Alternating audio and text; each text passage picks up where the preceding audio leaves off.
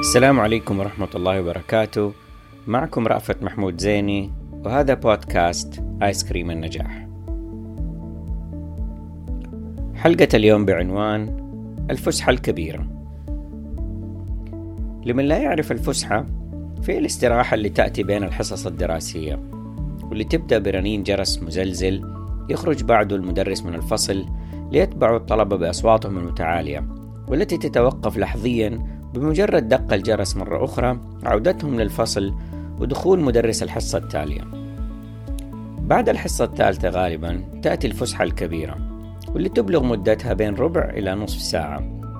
ويتسابق الطلاب مع رنين جرسها للوصول إلى المقصف حيث تباع السندوتشات والمشروبات قبل الزحمة. في المرحلة الابتدائية لم يكن لي نصيب للوصول حتى إلى شباك المقصف المرتفع. وأبقى من بعيد أتفرج وأنا أشاهد الطلاب وأسمع أصواتهم اللي تهتف بكلمات لا أميز منها سوى صامولي وبيبس أي بيبسي. ليخرج الناجون منهم وفي يديهم صامولي وجبنة أبو ولد وأحيانا ميرندا. بعضهم كان يفتح الصامولي ويرش فيه ميرندا ويأكل الجبن لوحده. فعلا الناس أذواق. استسلمت لمبدأ السندوتش المنزلي الذي تعد الذي تعده أمي فلم أكن أحمل شقة ومزاحمة.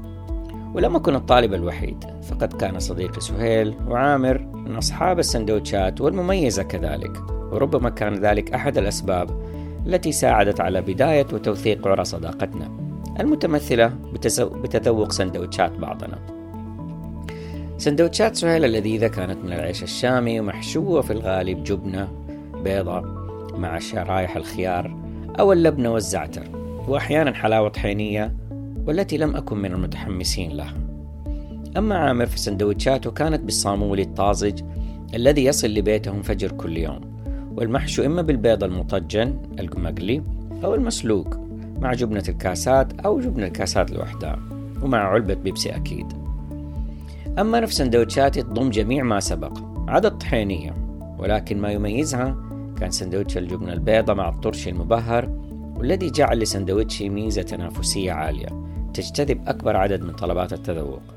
وجعل هذا الطرشي بعد عقود من أهم منتجات خيرات بيتنا المطلوبة والمبنية على وصفات أمي وترى رابط الحساب في وصف الحلقة.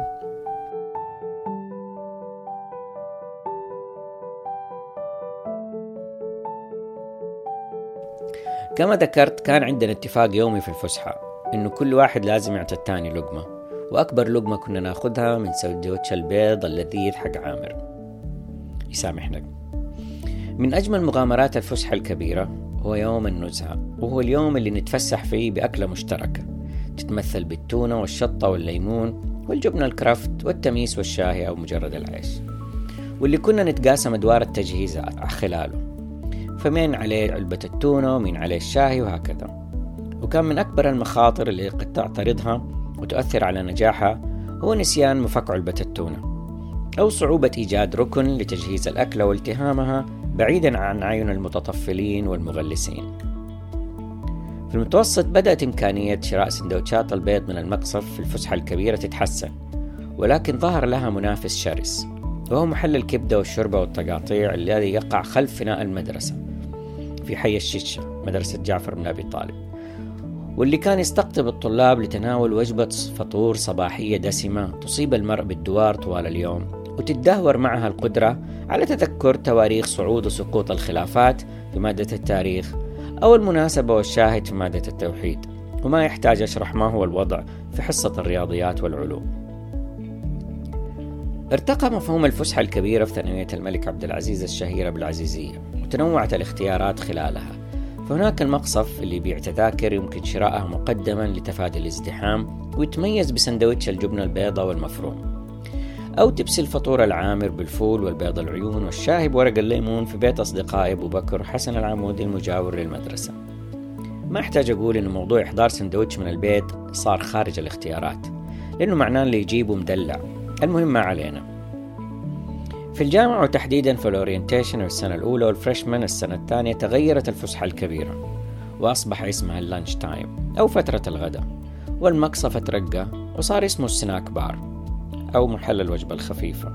والمنتشر في مباني الجامعة بسندويتشاته المغلفة بالأكياس النايلو الشفافة والمكونة من شرائح التوست الأبيض مع شرائح جبنة الشدر. واللي تعرفت عليها خلال تلك الفترة وعشت معه مع كاسات الشاي بالحليب أيام وليالي المذاكرة في فصول مبنى 22 خلال مرحلة الفريشمان وما بعدها. استمرت معي الفسحة الكبيرة ممثلة بفترة الغداء في العمل كفترة جميلة وثرية بالحوارات الترويحية والفكرية. وخلال الدراسات العليا في الجامعة والفترة دي يحترمها الأمريكان ولا يتنازلوا عنها أبدا ويتناولوا خلالها وجبات خفيفة ويعقدوا خلالها اجتماعات حبية لمشاركة المعارف ومناقشة بعض المواضيع الإثرائية فيما يعرف بال brown bag lunches أو غداء القرطاس لأن السندويتش والشيبس تحمل في قرطاس. نسيت أقول أني كنت أعد الحصص حتى يأتي وقت الفسحة الكبيرة فهي التي تقسم اليوم وتنظمه وتجعل له طعم مختلف. ورغم مرور السنوات والأيام وتغير المواعيد والمحتويات يظل المقصف الفسحة الكبيرة كل الاشتياق وإن تغيرت المسميات. في الختام أحب أشكركم على حسن استماعكم وتفاعلكم. وإذا أعجبكم المحتوى فشاركوه فضلا لا أمرا مع المهتمين واشتركوا في القناة للاطلاع على محتوى نوعي مستمر بإذن الله.